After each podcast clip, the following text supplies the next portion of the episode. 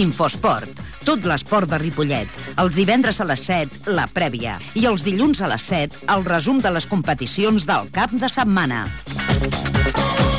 Infosport segueix tots els clubs i atletes. La informació de l'esport de Ripollet a Ripollet Ràdio, amb Ramon Argenter. Jugues? Bona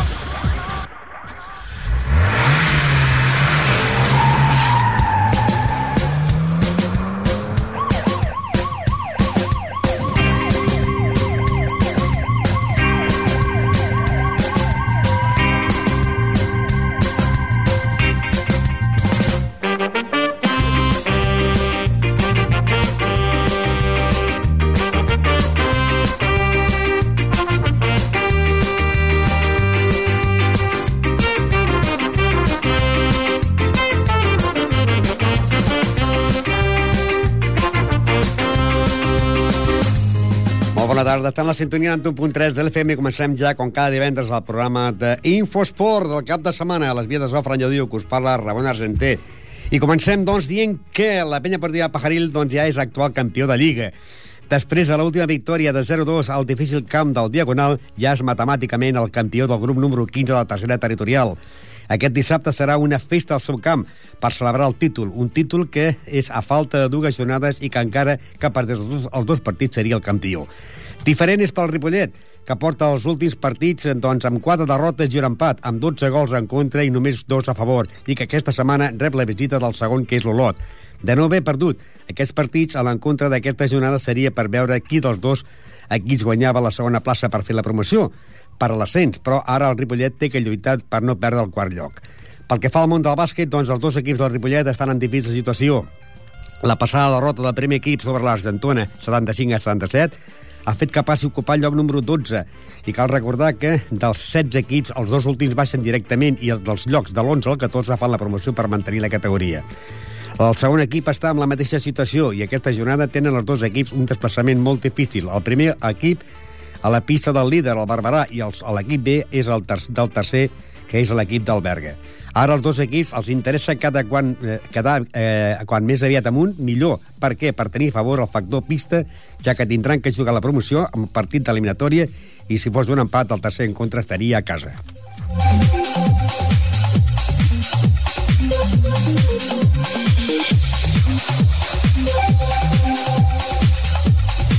I també hem de dir que José María Guerrero és aspirant al títol de campió d'Espanya. Després de la victòria, els punts sobre l'altre aspirant, el de Tenerife, Juan Nelongo, José María Guerrero, del Club Oció Ripollet, tindrà que esperar un temps i preparar-se a fons per disputar el títol del Campionat d'Espanya de la categoria del superpès mig. El combat per al moment no se sap on serà, però tenint en compte que l'actual campió és delicat, podria ser que es disputi el seu terreny. Per altra banda, si es mira el palmarès de José María Guerrero, que porta un total de 30 combats i només dues derrotes, això podria ser un factor molt bon perquè es fes aquí a Ripollet. I avui, com a convidats, tindrem doncs, les paraules del president del Club de Futbol Ripollet, Xisco Conglada, de l'entrenador de la penya portiva Pajaril, eh, Javi Varela, de l'entrenador de l'equip de la Puigesco, de l'entrenador també del Futbol Sala de Ripollet, Antonio Estremera, també de l'entrenador de l'Ivan Beas, que parla ja de l'últim partit que jugaran aquest cap de setmana, i tindrem, doncs, també declaracions, eh, avui el programa especial a partir de dos quarts de vuit serà dintre l'esport base. Deixem l'esport base per parlar del, del boxeo. Tindrem a Julián Cabeza, a José María Guerrero, a Tres i parlarem, doncs, del combat que es va fer aquest cap de setmana. Comencem ja i anem a recordar que comencem ja amb el món del futbol. Futbol, futbol, Doncs bé, el Ripollet, ja sabeu que la setmana passada perdia Tona per 3 a 0.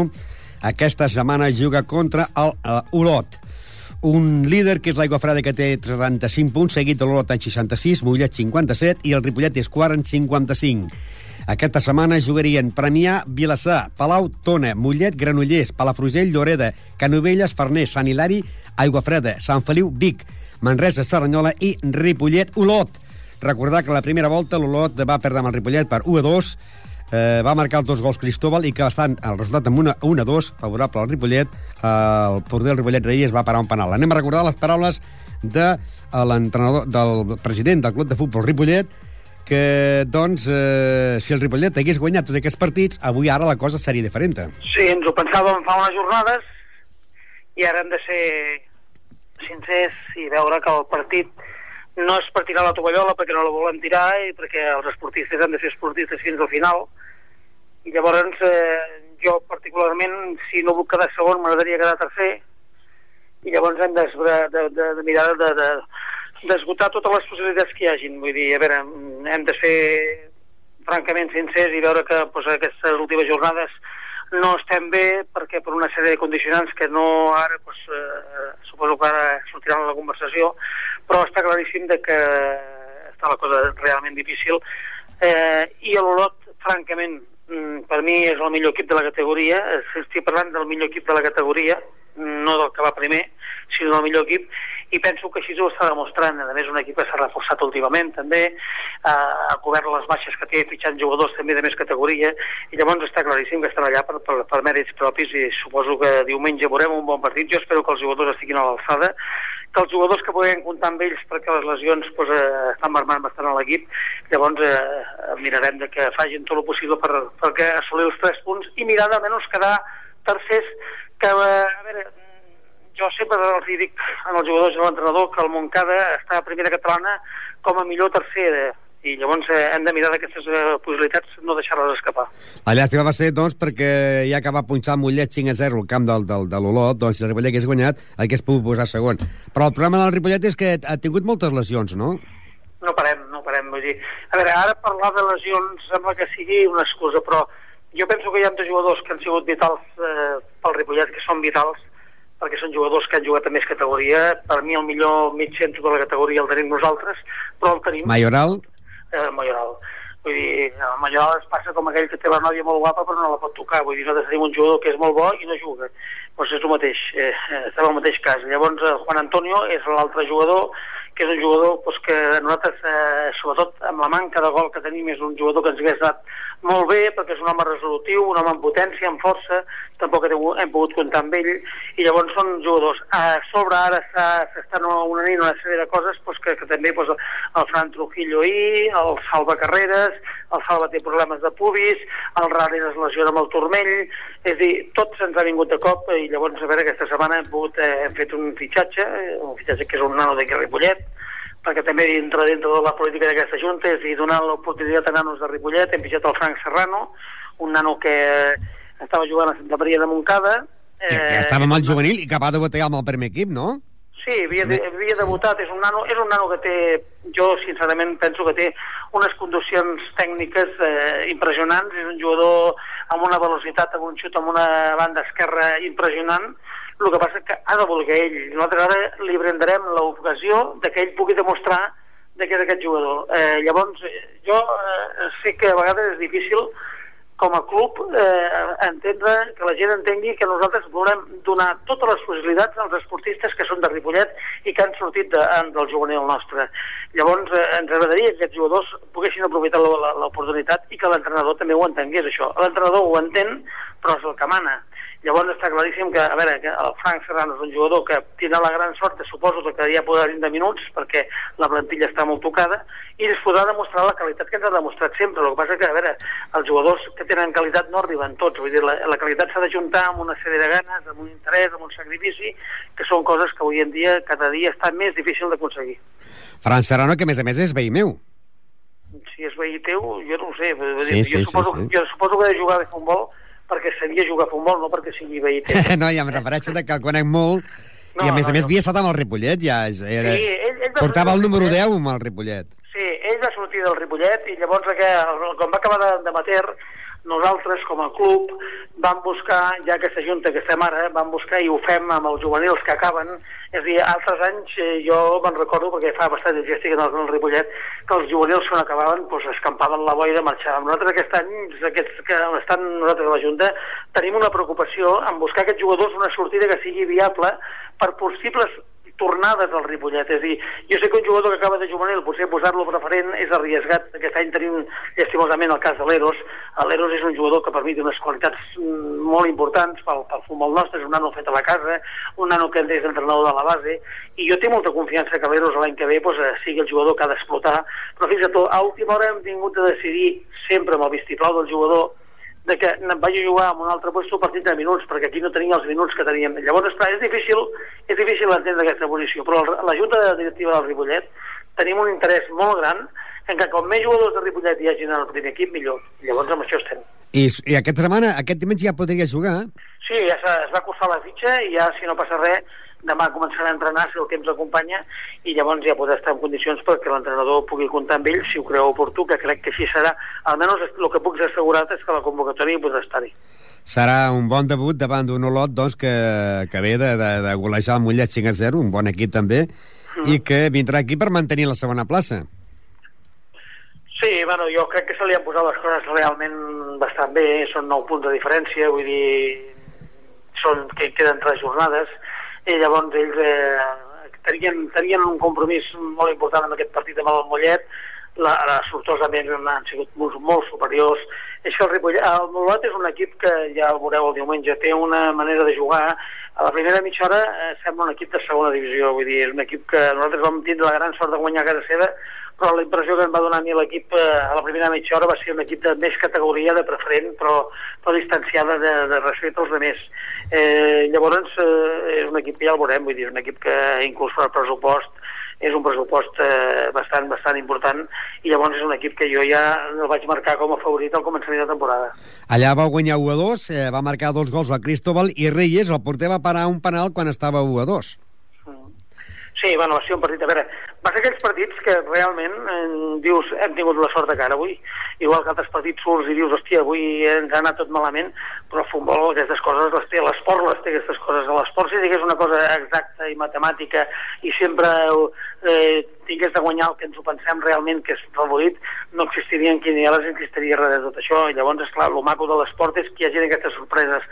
I nosaltres vam donar una sorpresa al camp de l'Olot de la manera que va anar el partit i llavors el rei és bastant convencionable també, el Cristóbal estar eh, i, i és la història del Ripollet. La història del Ripollet aquest any jo penso que és, una, és molt fàcil d'analitzar. Vull dir, el Ripollet és un equip ben posat al camp un equip que intenta jugar, un equip que quan els seus davanters o el seu davanter estrella diguéssim en aquest, cas, aquest any el Cristóbal jo espero que l'any que ve tinguem un parell més que siguin com el Cristóbal perquè el dia que no estigui bé el Cristóbal pugui jugar un home que resolgui els problemes i llavors nosaltres hem de mirar de cara a l'any del, del 90 aniversari del club doncs, intentar veure si som capaços, som capaços de fer un equip una mica més potent del d'aquest any, eh, mirar-ho de, mirar de fer. Ara, si ho farem o no, no ho sé.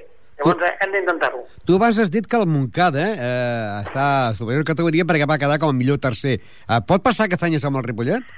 A veure, eh, si estàs tercer hi ha aquesta possibilitat. Si no hi ets, no passarà mai. Llavors el Montcada va ser un any que per qüestions, eh, si us en recordeu, la desaparició del Figueres, sí. eh, llavors, eh, i aquest any se'n parla de moltes coses, vull dir, hi ha problemes eh, econòmics a molts equips, eh, vull dir, la Gramenera és un problema, és un equip que també té problemes amb el seu equip eh, mig, mig professional, té un equip a primera catalana que no saben si realment el podran aguantar o no. Llavors, com hi ha aquestes possibilitats, el que hem de fer nosaltres és intentar esgotar-les al màxim. Llavors, esclar, si som tercers, eh, eh, tindrem aquesta possibilitat. Ara, si no estem com a tercers, no podrem fer-ho, m'entens? Hem de mirar d'esgotar la possibilitat màxima que tenim, que és aquesta. Molt bé, doncs, eh, merci, sort, i esperem doncs, poder veure el debut de França Serrano aquest diumenge. Espero que pugueu estar aquí i mirar-ho, a veure si té sort. A veure, jo, jo no dic que jugui perquè no sóc qui per dir si jugarà o no, el que passa que estic segur que estarà a la convocatòria. Jo espero que el nano pues, demostri la, la valua que té i llavors que valori una mica l'esforç que fem tots de que estigui la plantilla i espero el recolzament de la gent de Ripollet envers el nano perquè és un nano de, de, de, del poble. Futbol, futbol. Les paraules de Cisco Inglada, president del Club de Futbol Ripollet. Continuem més futbol, perquè aquesta setmana hi haurà la Llagosta contra l'Esdila, el Sant Cugat contra l'Adefut i la Penya Portilla Pajaril contra el Nou Vallès, però la Penya Portilla Pajaril ja és matemàticament campió en falta dues jornades i això que aquesta setmana, doncs, demà ho celebraran al, al, al seu camp jugant contra el Nou Vallès. Una penya partida Pagaril que és primer amb 64 punts davant d'un Nou Vallès que ocupa la plaça número 14 amb 13 punts.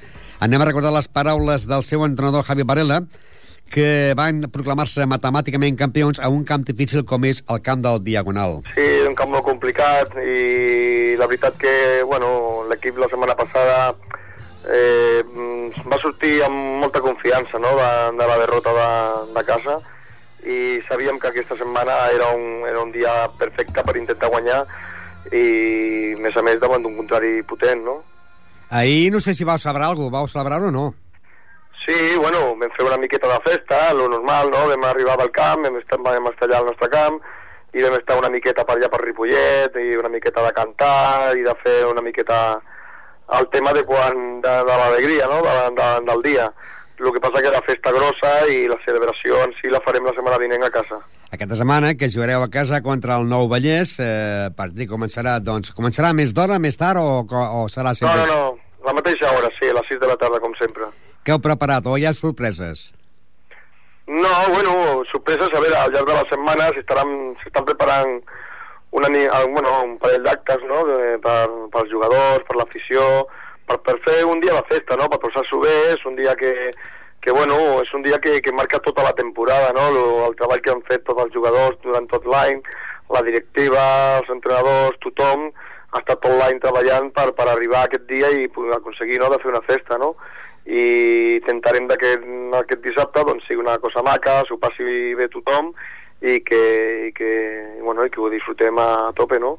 I ara ja no us doneu compte que s'acabarà la Lliga i ja començar, vindrà les vacances i ja començar a preparar pel setembre de cara a una nova temporada i una nova categoria. Exactament, sí, ara hem de canviar una miqueta el xip, no? Hem de, de saber que, bueno, ara la tercera queda, queda a un altre lloc, la segona categoria canvia molt, canvia molt, encara que sigui només una categoria, però canvia molt. I, bueno, hem de mirar de reforçar una miqueta l'equip, hem de mirar de treballar aspectes que, que a segona fan falta i a tercera millor no tant, i a partir d'aquí, bueno, preparar, preparar ja tota la pretemporada i intentar de, de fer una bona temporada a segona territorial, no? Què demanaries al públic per aquest dissabte? Perdó? Que què demanaries al públic per aquest dissabte? Al públic, Sí. eh, l'únic que li demano és que s'ho passi molt bé. És el que li demano, que s'ho passi molt bé, perquè ha sigut un, un públic meravellós, que ha estat tot l'any amb nosaltres, i ens han estat apoyant tots els partits, els que hem guanyat, els que hem perdut, tots, sempre han estat amb nosaltres, i li demanaria que aquesta setmana s'ho passessin molt bé, que, que sigui un dia de festa i que, i que ho aprofitin com això, com un dia de festa del futbol de, de Ripollet, no? I perquè aquesta setmana se, se celebrarà al camp, no? O, no? o hi haurà algú, o no? O Sí, sí, bé sí, ho el- fareu quan s'acabi la Lliga? No, no, no, no, aquesta setmana al camp. Al camp. O sigui, a, Sí, sí, a l'hora del aquesta partit. setmana ho farem al camp, sí, al final del partit farem allà, bueno, lo típic, no?, doncs la música i, i ball, i després nosaltres també farem una, un sopar allà al camp, també continuant amb, amb la festa, en fi, bueno, una cosa que és el que diem... Una que, costellada que serà, públic o botifarrada? Digue'm. Costellada o botifarrada? Algo, algo així, no? Sí, una coseta així, a lo millor hi ha les dues coses. doncs bé, i suposo que la moral dels jugadors a dalt de tot, no? Sí, a dalt del tot. Els jugadors estaven molt, molt convençuts, no?, que, que a veure, la temporada ha sigut molt difícil, ja has anat amb, durant el, de la, tota la temporada tu ja t'has donat compte que tots els, que, els equips que n'hi han és un grup bastant difícil, és molt complicat, no? A més a més, el, el, a, a part d'això, els jugadors sabien que era una, seria un any molt complicat mm, pel fet només de que, clar, de l'any passat vam fer 15, 15 fitxes noves i aquest any s'han fet 7 una altra vegada noves. Aleshores, això, eh, això mm, juntar tot això i que jo, tots els jugadors es portin bé, eh, s'apropin uns a l'altre, que no es coneixen, són de pobles diferents, i tot aquest tema, eh, penso que els ha ajudat a ells mateixos per, per intentar fer una cosa que volien fer. I a partir d'aquí els jugadors, clar, acaba el campionat, encara queden dos partits, són campions, han fet un gran campionat amb molts bons números i estan il·lusionadíssims, estan molt contents i estan, bueno, en, en, en, ple, en, ple, en plena festa, estan en plena festa. Futbol, futbol, futbol. Estan en plena festa i ho acabaran de fer-ho perquè jugaran aquesta setmana contra l'equip del Nou Vallès, que la penya és líder i matemàticament campió amb 67 punts, i el Nou Vallès ocupa plaça número 14 amb 13 punts. I també jugaran aquest cap de setmana, doncs, a la de fut, que és l'equip revelació, que és cinquè amb 45 punts, o sigui, en 42 punts jugarà al camp del Sant Cugat, un Sant Cugat que la primera volta la deputa la va guanyar per 6 a 2. Aquesta setmana, doncs, juguen a Sant Cugat. Pel seu entrenador diu que no, que aquest equip, ojo, que s'ha reforçat bastant. No, no, no, San Cuba mejora mucho, ¿eh? Sí? Sí, sí, sí, lo estuve viendo hace tres semanas en campo de la Llagosta y la Llagosta le, le ganó en el último minuto. San Cuba ha pasado un bache de que se le fueron jugadores, que fue cuando estuvo muy mal. Ahora le han vuelto otros dos o tres jugadores que habían jugado ya en el San Cuba y ahora, a ver, mm, en teoría si hiciéramos bien las cosas y estuviéramos inspirados de cara a portería y defensivamente sobre todo, no cometiéramos errores individuales como nos viene pasando últimamente, que ganar. pero que en su casa, si no estamos serios y haciendo bien las cosas, nos puede dar un disgusto. ¿eh? Y esa derrota eh, es lástima porque eh, puede que perdáis el quinto lugar. Seguro que hagan los otros, sí. Por eso yo quería asegurar esta semana ya con la victoria aquí contra la Farga, casi que asegurar el quinto puesto ya, ¿no? Porque ahora queda el grupo de Barcino 44, eh, Adefut 42, Diagonal 41. Claro. Claro, claro. Entonces, ya eh, esta semana empatábamos, no, nos poníamos un punto por encima del, Sí. del Barcino. sí, sí. Y entonces, pues claro, podemos acabar de haber hecho una gran campaña quintos, que era la lucha, bueno, y lo que yo intentaba inculcarle a los jugadores, que acabar quinto del grupo este, siendo el primer año, era una buena campaña, y podemos acabar sextos o séptimos, que tampoco es una mala campaña, ¿no? Siendo el primer año Primer año. y habiendo ganado los partidos que se han ganado, ¿no? Pero se te queda mal sabor de boca, Ramón, por ese tipo de partidos que te he dicho, que se nos han escapado por falta de experiencia, por... Y, su- Bueno. y supongo que tendrá ya ahora mucha más experiencia en la próxima temporada, porque supongo que vais a continuar todos, ¿no? La base del equipo, o sea, lo que es el equipo base que está ahora, en principio va a continuar todo. ¿Y Puede ser que haya alguna baja, por ejemplo, como la de Gustavo, que tiene que pensárselo este verano. Silvio, que se retirará por, también porque es veterano, que posiblemente el año que viene si continuará yo, continuaría conmigo. Y a lo mejor Juanito también piensa relajarse un poquito y ponerse a jugar en veteranos y tal. ¿Y Chesco? Dime. ¿Y, y Chesco, tú? Yo, yo en principio pienso seguir, pero claro, yo no, no depende de mí, depende de una directiva que decida si, si quieren que siga o no quiero que yo siga y el proyecto que tengan y todo lo que... Supongo que la Junta está contenta contigo, ¿no? Primer año y la gran campaña que habéis hecho.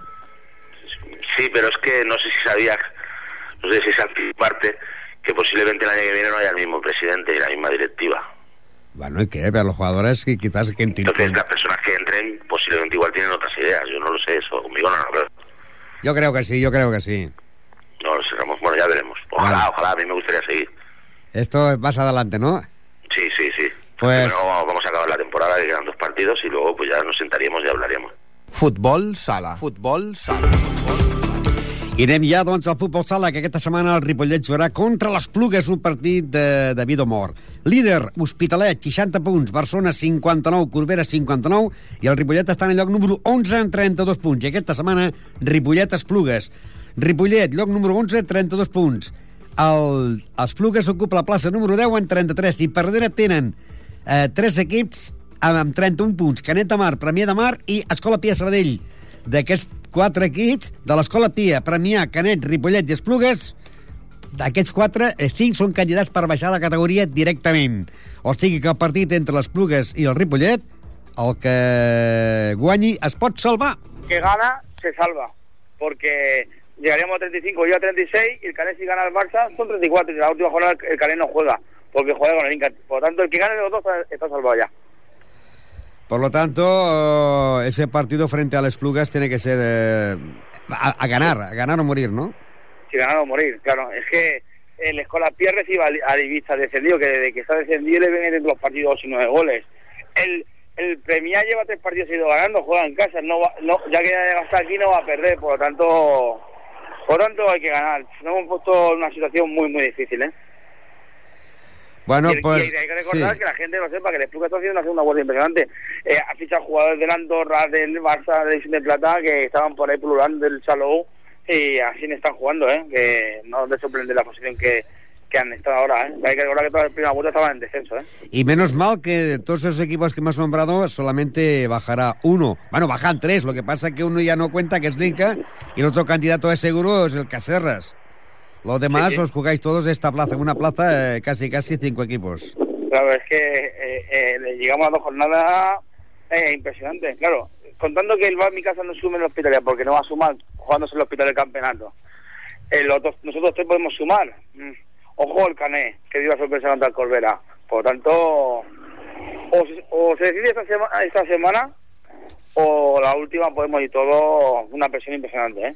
Ahora, ¿se puede decir que si ganáis en casa a Les Plugas ya estáis salvados o no? Sí, estamos salvados porque ya llegaríamos a la 35, suponiendo que el Cane gane al Barça serían 34, la última jornada el Cane no juega, porque juega con el Inca ya retirado y no puede sumar. Entonces, tanto el Espluga como nosotros sabemos que ganando estamos salvados. Y es mi casa que sería una sorpresa que ganas en campo del Hospitalet, lo mismo, ganando se salva.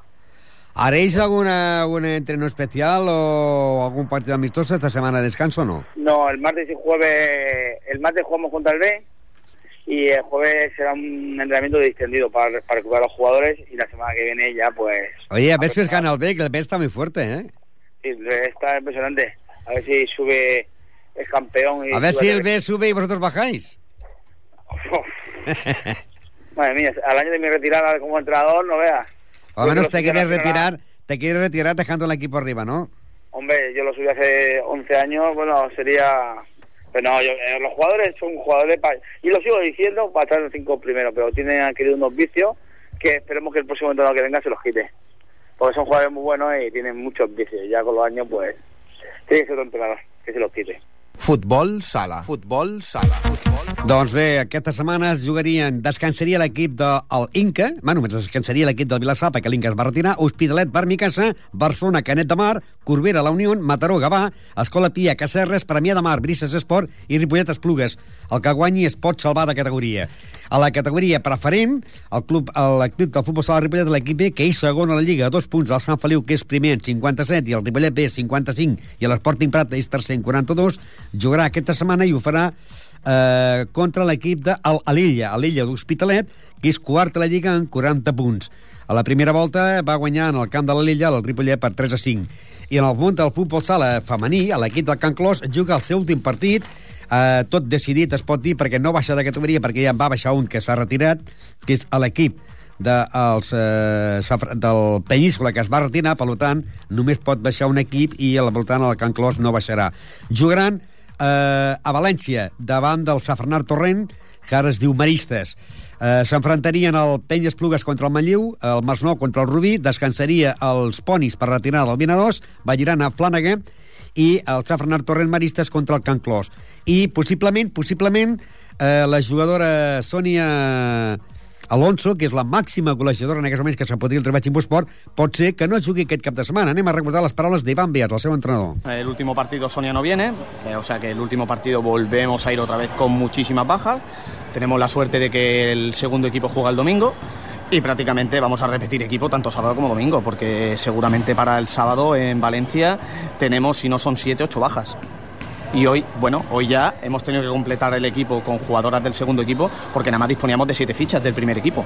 Claro, con lo cual, si nada más dispones de siete fichas, tienes que presentar ocho mínimo. Si miramos los dos equipos, mejor temporada para el B, ¿no? Bueno, indistintamente no es que sea mejor temporada, sino que como tenemos unas cuantas jugadoras con ficha del segundo equipo, que en teoría son del primero, pues claro, cuando como el primer equipo mm, prácticamente no juega asiduamente, hemos tenido ahora un mes y medio de descanso, en Navidad estuvimos un mes y vamos jugando de higos a brevas, pues es normal que las jugadoras del primer equipo que tienen ficha de B vayan jugando con el segundo equipo y eso al reforzarlas hemos sacado muchos puntos a eso. Pero bueno, dentro de lo que cabe mm, todavía estamos ahí y todavía está en opción de descender, con lo cual hay que pelear los tres o cuatro partidos que quedan para intentar sacar eso. Algún, como mínimo necesitamos un partido más. A la próxima temporada, Iván, seguirás o no? Bueno, primero vamos a acabar esta y cuando se acabe esta decidiremos lo que haremos en la siguiente, pero supongo que no habrá ningún problema. O sea, aparte eso, te un poco desanimado. No, desanimado no, ni mucho menos, todo lo contrario. Yo creo que las jugadoras han hecho un esfuerzo muy grande y todo, pero lo único que, claro, imagínate, un partido que tienes dominado todo el partido y vas ganando todo el partido y que lo pierdes en el último minuto, pues quieras o no quieras, pues claro que te desanima. Pero bueno, es la dinámica de toda la temporada, pero bueno, que en teoría no me desanimo y lo que seguimos es trabajando día a día aún más. Doncs bé, el líder és el Rubí, que té 44 punts, seguit dels Centelles en 34, i el Can Clos ocupa la plaça número 8 amb 13 punts. I també se jugarà un partit, aquest serà l'últim de la temporada, i també se jugarà el partit de la primera divisió femení entre el Teià i el Can Clos B. Líder d'aquest grup és el Cervera amb 59 punts, seguit del Palau amb 57, i el Can Clos, l'equip B, ocupa la plaça número 7 amb 29 punts, i en zona d'ascens directe, el Martorelles amb 13 i el Provenç Salenc amb 5 el partit entre el Teià i el Can Clos B, que és ja de la jornada número 24 de la Primera Nacional Femenina, serà el dissabte a partir de les 7 de tarda. Teià, Can Clos B. El, el Teià és tercer amb 42 punts, el Can Clos és setè amb 29 punts de la Primera Divisió Femenina. Hockey. Hockey. Hockey.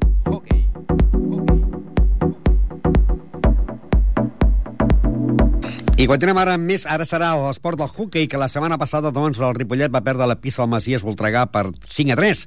i aquesta setmana jugarien la Salle Bertino contra el Bertino, la Garriga contra el Folgueroles, el Sant Just contra el Tona, el Voltregà contra el Cornellà, el Gamma contra el Setmanat, el Mollet contra el Tarradell i el Ripollet contra el Congrés dissabte a les 7 de la tarda. Líder Bertino, 52 punts, seguit la Congrés amb 51, Voltregà 49, i el Ripollet està en el lloc número 10 de la competició amb 23 punts. Per darrere té el Mollet amb 22, Setmanat 21, Tarradell amb 19 i tanca el Gamma de la Barcles en el lloc número 14 de 14 equips amb 5 punts. Ripollet, eh, Congrés, el Congrés és segon a la Lliga amb 50 punts, que està a un punt del líder, que és el Barcino, que pot posar-se líder aquesta setmana sempre i quan el Barcino perdi el camp de la, la Salle Bonanova, i si el Ripollet guanya podria passar a ocupar el lloc número 8 de la competició, perquè ara ocupa la plaça número 10 amb 23 punts, i ara està millorant els resultats, eh, podríem dir, l'equip del hockey Ripollet en aquesta segona catalana, que va començar molt bé, però que va estar quasi, quasi penúltim i ara és eh, el lloc número 10 de la competició. Aquest cap de setmana en Ripollet Congrés. Amb vol, amb vol, amb vol. I a la Monta del Handball hem de dir, doncs, que s'està jugant la Copa Federació, el grup és el grup E, que la setmana passada el Ripollet va jugar a la pista de la Franquesa i va perdre per 39 a 20, eh, 39 a 20, i que aquesta setmana tenen jornada de descans. Uh, aquesta setmana s'enfrontarien el Calella contra les Franqueses, el Sant Just contra la Gramunt i el Ripollet tindria jornada de descans. En capçar la classificació, doncs, tres equips empatats a dos punts, el Ripollet, el Sant Just i les Franqueses en dos punts, i llavors en 0 punts la Gramunt i el Calella. Recordar que aquesta Copa Federació hi ha partit de tornada, però no, eh, o sigui, hi ha partit d'anada, però no de tornada. Si el Ripollet va jugar a casa contra la Gramunt, no viatjarà a Gramunt, i la setmana passada van jugar a les Franqueses i les Franqueses no vindrà a Ripollet. Bàsquet, bàsquet.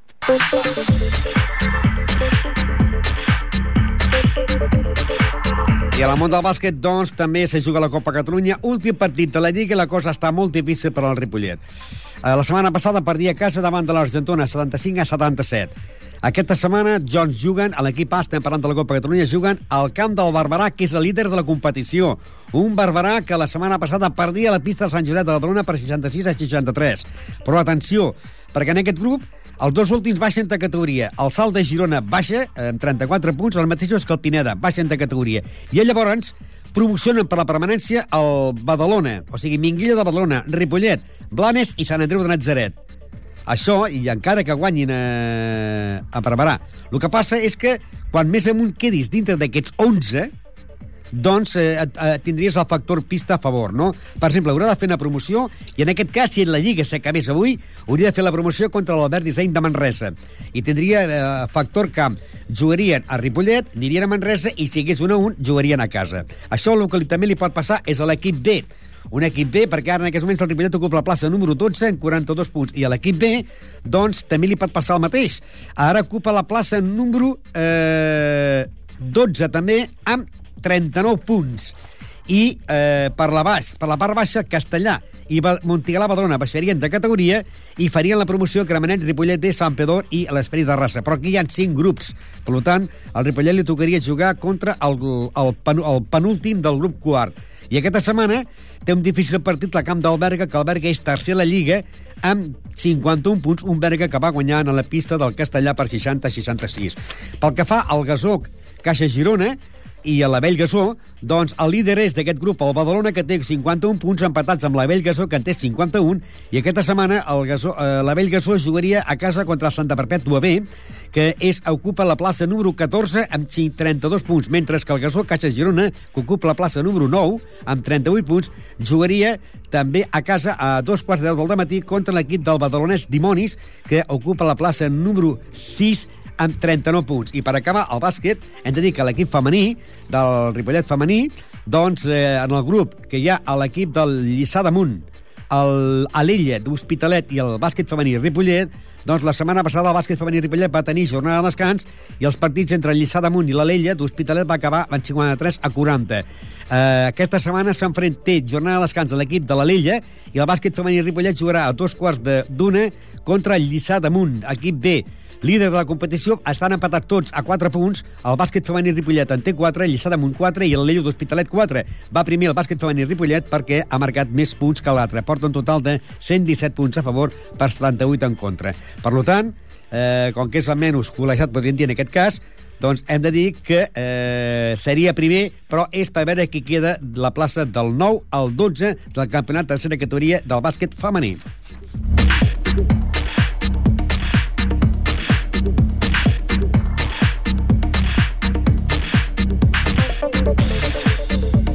Boxa. Boxa. Boxa. I bé, estem a la munta del box. Avui el programa especial és la boxa. Per què? Perquè el passat divendres va haver un combat de boxa de la categoria super eh, mig, el pes eh, mig, eliminatòria per la Campionat d'Espanya entre José María Guerrero i Juan Elongo de Tenerife. Allà vam enviar de la Norma, el que passa que avui la Norma no està aquí, eh, està Julián, i més la Norma, qui farà de Norma será Javi, Javi Riquespo. Buenas tardes. Hola, ¿qué tal? Has cambiado mucho, ¿eh, Norma? Sí. Habéis perdido con el cambio, ya os digo. Sí?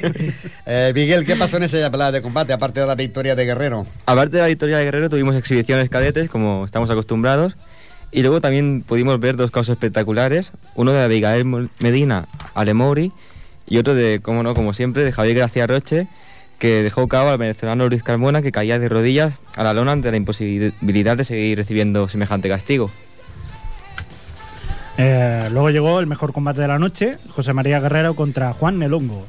José María Guerrero volvió después de un año sin pelear y venció al ex campeón de España del semipesado Juan Nelongo en un combate de peso supermedio pactado a ocho asaltos. Vamos a ver qué opina Guerrero del rival. Porque es un buen boxador y un tío experimentado y que me va a venir muy bien para probarme, para ver qué tal estoy. Esto de preguntar si tienes miedo sobra, ¿no? A estas alturas. miedo siempre hay, el que te diga que no tiene miedo es mentira, miedo siempre tienes, pero bueno, ya lo vas asimilando mejor con el tiempo. ¿Ya has tenido ocasión de ver vídeos por YouTube que me comentaste la última vez que los estudiabas por internet? Hombre, más que vídeos es que es un boxeador veterano, lleva muchos años y ya lo he visto boxear en directo varias veces. Entonces ya lo ya más o menos tengo una idea de cómo lo hace. ¿Y qué entrenamientos has llevado para prepararte para este combate? Pues más o menos lo- igual que para la anterior pelea, pero en más intensidad y más, más preparación y más concienciado y sobre todo con más ganas. ¿Y qué esperarías de este combate? Se espera hacer un buen combate, ganar, por supuesto, y que la gente salga contenta de, de aquí del pabellón. ¿Qué significará para ti después del susto que te llevaste la última vez que tuviste que retirar antes de combatir? Hombre, susto para mí no, yo, sé que, yo sabía que estaba bien. Susto fue la, la inquietud, ¿sabes? La de decir, pero si yo me encuentro bien, entonces ahora ya está todo en su sitio, ya ha quedado todo claro que no tengo nada y para adelante. O sea que en ningún momento te pensaste que te podías retirar del boxeo, ¿no? Hombre, sí tuve la incertidumbre esa, porque claro, es una cosa que no depende de ti, depende de los médicos, pero finalmente parece que, que todo ha salido bien. ¿Y esto cómo funciona? Aunque, aunque tú te veas bien, si el médico no te deja, no... La última palabra tiene el médico. ¿Y esto por qué? ¿Por el seguro o porque...? No, porque tienes que pasar unos reconocimientos médicos, si no imagínate, todo el mundo podría boxear que estuviera en mal estado y a veces tú te puedes encontrar bien, pero realmente no lo estarlo. ¿Qué planes tienes para el futuro? Si ganas este combate, el España, ¿cómo lo ves? Pues, hombre, me gustaría, pero bueno, de momento vamos a centrarnos en este combate y luego ya hablaremos. O sea, vamos a ir poquito a poco. Poco a poco, paso a paso, este ¿no? combate. ¿Y el negocio del gimnasio que siempre te pregunto, cómo funciona? Pues ahí vamos, poquito a poco vamos aumentando la clientela, pero es, es difícil porque es un deporte muy duro, muy sacrificado y que no todo el mundo le gusta sacrificarse, pero bien, de momento tengo un grupo no muy grande, tengo un grupo reducido de gente, pero un grupo muy majo y estoy súper orgulloso de toda la gente que tengo. ¿Y se van animando los chavales jóvenes a...? Sí, se van animando poco a poco. Lo que pasa es que hay mucha gente que se anima, lo pruebe, cuando ve realmente lo duro que es el deporte, pues se, Se echa para atrás, se lo, deja, se lo deja. Pero luego hay quien sigue. ¿A cuántos tienes ahora en la escuela? Unos 60 socios por ahí más o menos. Ah, pues tienes bastante.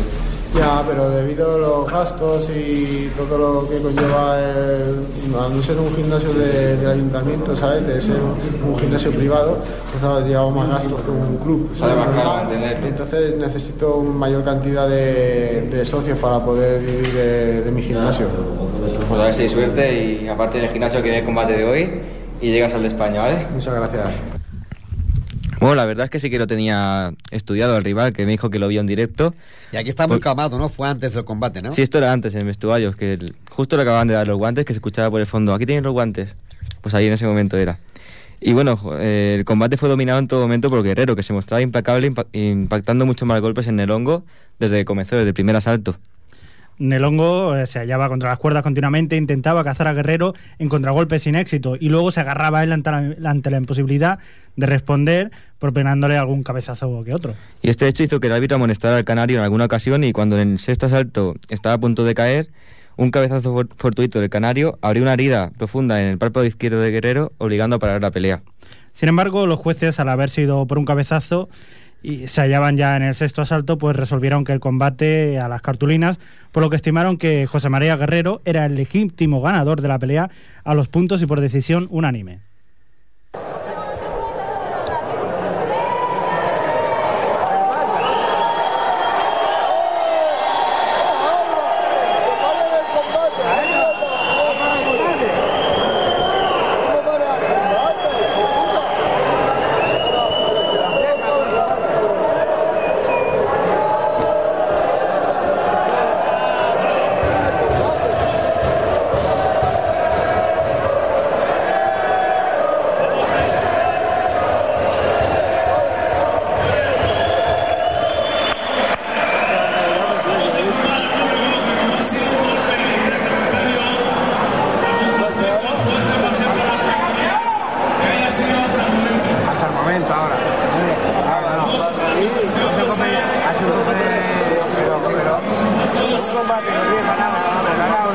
Ahora,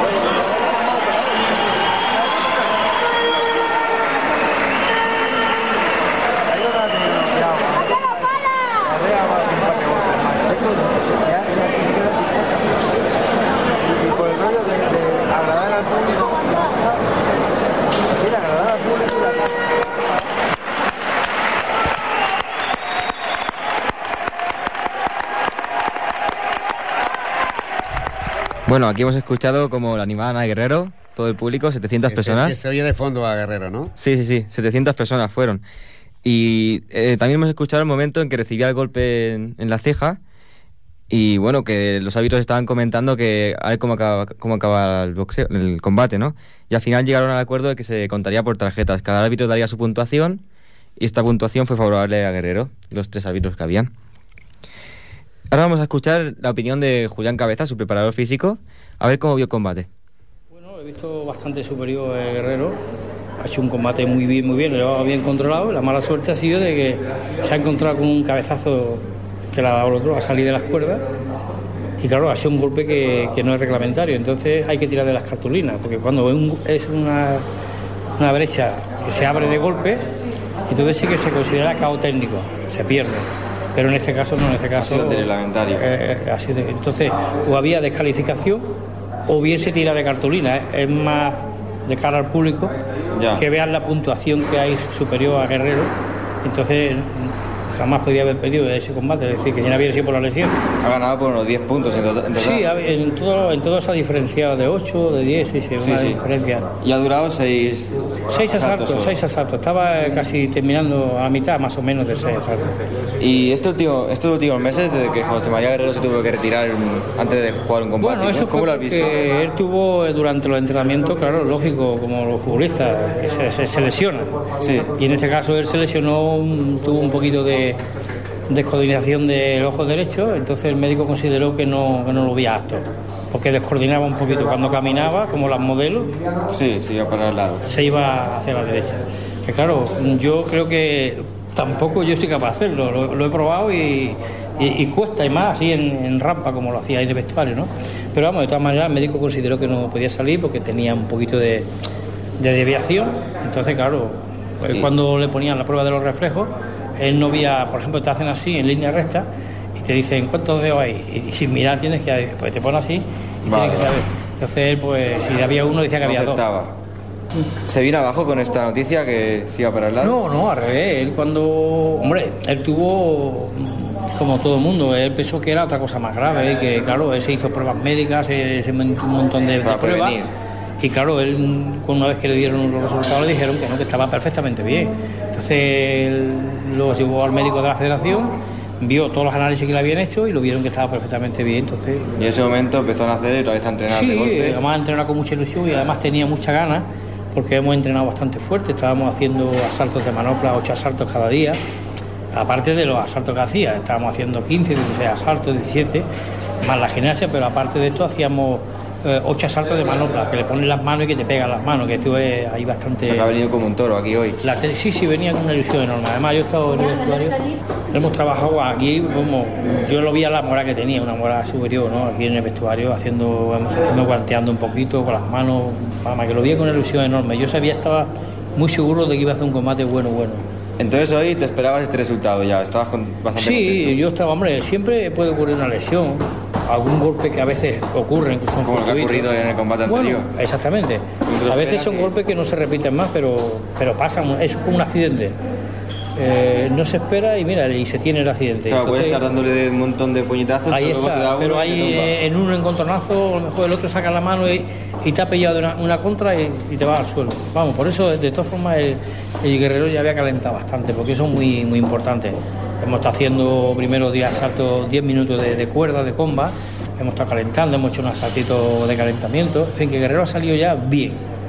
Porque claro, eso es muy importante de que no te coja un golpe en frío. un golpe Sí, porque te frío y es peor Ahí luego. está, ahí el golpe frío es que no te recupera. En cambio, cuando has calentado bien, a lo mejor tiene un golpe, te marea un poquito, pero. Luego reaccionas rápido otra vez. Reaccionas rápido, ahí está, sí. Y con Guerrero estás contento, pero el resto de, del boxeo de Ripollet, ¿cómo lo ves de salud? ¿Está bien? Bueno, eh, esta velada se ha fallado un poco, no, no lo veo. mm, Han faltado bastante gente. No sé si es debido al puente. Creo que sí, creo que sí, sí, porque mucha gente se ha ido. La autopista iba bastante llena. Y luego la fiesta de pueblo al lado. La fiesta de por al lado y claro, nunca. También está la feria de la feria de abril, esa sí. En fin, que, que de todo ha, ocurrido un poquito. Y bueno, Pero de todos modos el ambiente perfecto, ¿no? Sí, sí, no, el ambiente, Ha sido- además ha sido un ambiente, un ambiente selecto, una, una gente de verdad que, que, que pasé, como dice mucha gente, un deporte de contacto es muy pacífico. Nadie se pelea, todo el mundo se mantiene en su sitio, nadie discute. Es muy raro. Vale, buenas noches. Nadie discute, es decir que es una cosa bastante bien. ¿no? Que- Una fiesta deportiva, Sí, sí, es una fiesta deportiva. Los chavales ya lo ven, cuando terminan el combate se abrazan, se saludan, decir que, Sí, sí, sí. que la gente tiene un concepto del boxeo muy diferente de lo que es. ¿no? El que yo tenía hace un año. Claro, por ejemplo, Hasta que empecé a venir. ah, yo le temo más a la gente que, que va a un gimnasio por probar y ya es aquello de la calle que van ya, claro. y cuando llegan a un gimnasio que ven que ahí mm, no se comen nada, entonces luego van hablando. Que si el boxeo, que si a mí me pegaron, que si yo entré a un gimnasio y el primer día que fui me pusieron con el campeón de no sé qué. me- Eso jamás en la vida ocurre. Una persona tiene que tener una base, tiene que estar más de un año entero aprendiendo a tirar las manos y después se boxea y tiene que verlo el entrenador muy bien, que tenga una defensa bastante bien hecha, sacar las manos, los golpes, todo eso. Es decir, tiene que estar muy bien preparado para sacarlo. Eso de que yo pongo un chaval o la gente, preparadores, que nada más que llega a un gimnasio ya te ponen es un acierto.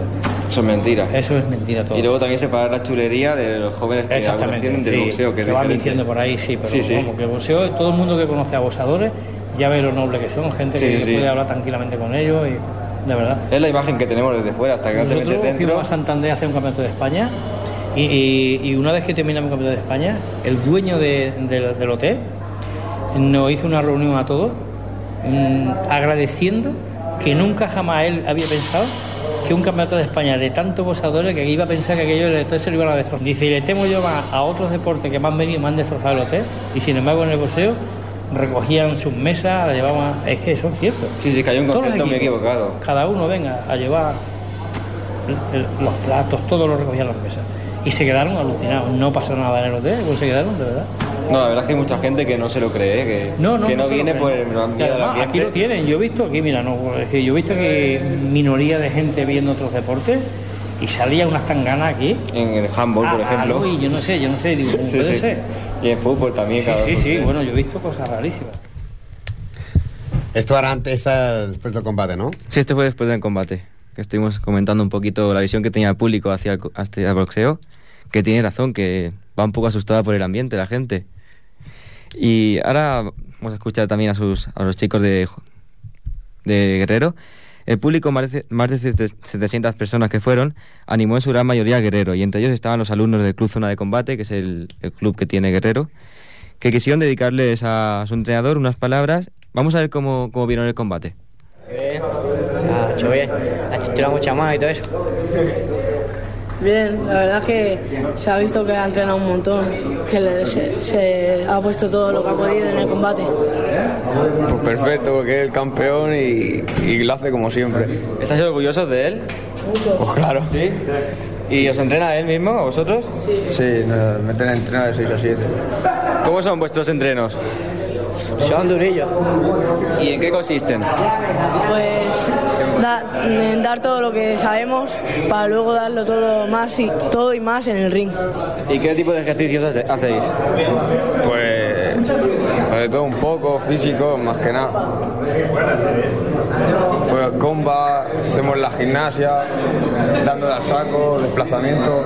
¿Habéis empezado ya a competir? Yo hoy he hecho una exhibición porque hasta que no cumpla los 15 años no podré salir. ¿Y tenéis, tenéis ganas ya de empezar los tres? Sí. ¿Os veis preparados para, para empezar ya a competir o aún os veis un poco flojos?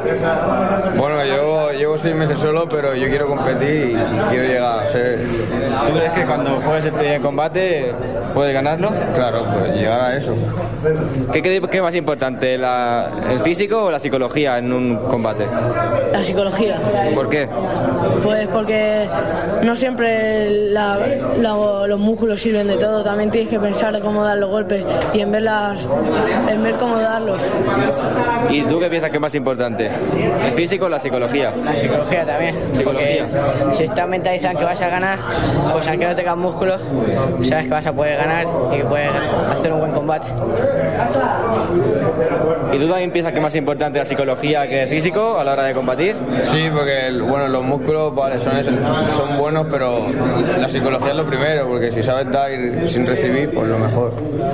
¿Y hacéis tácticas también? Que por ejemplo el primer asalto estudiáis al rival y recibís más o directamente vais al ataque? En amateur se suele ir más al ataque porque no hay tiempo para estudiarlo y en profesional se suele estudiar y luego ya pues, ir sobre la marcha. El viernes os escuchará vuestro entrenador. ¿Algún mensaje para él, para darle ánimos para el próximo combate? Claro que sí, que es el mejor y que ganará todo lo que se le ponga por delante. Que le queremos mucho y que, que, lo va, lo- que va a ganar siempre, que es, es el mejor que hay. Porque es el mejor y cada combate que dé lo damos nosotros y vamos a estar con él a muerte.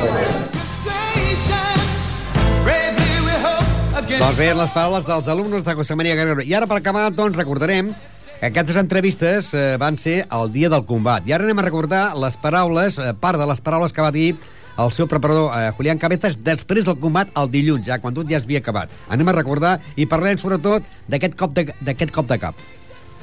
Va ser un combate bastante bueno porque este chico ha disputado, ha sido tres veces campeón de España del peso semipesado y ha disputado el campeonato de, de Europa de- del peso también, donde perdió por punto, pero, pero muy bien en Alemania, ¿eh?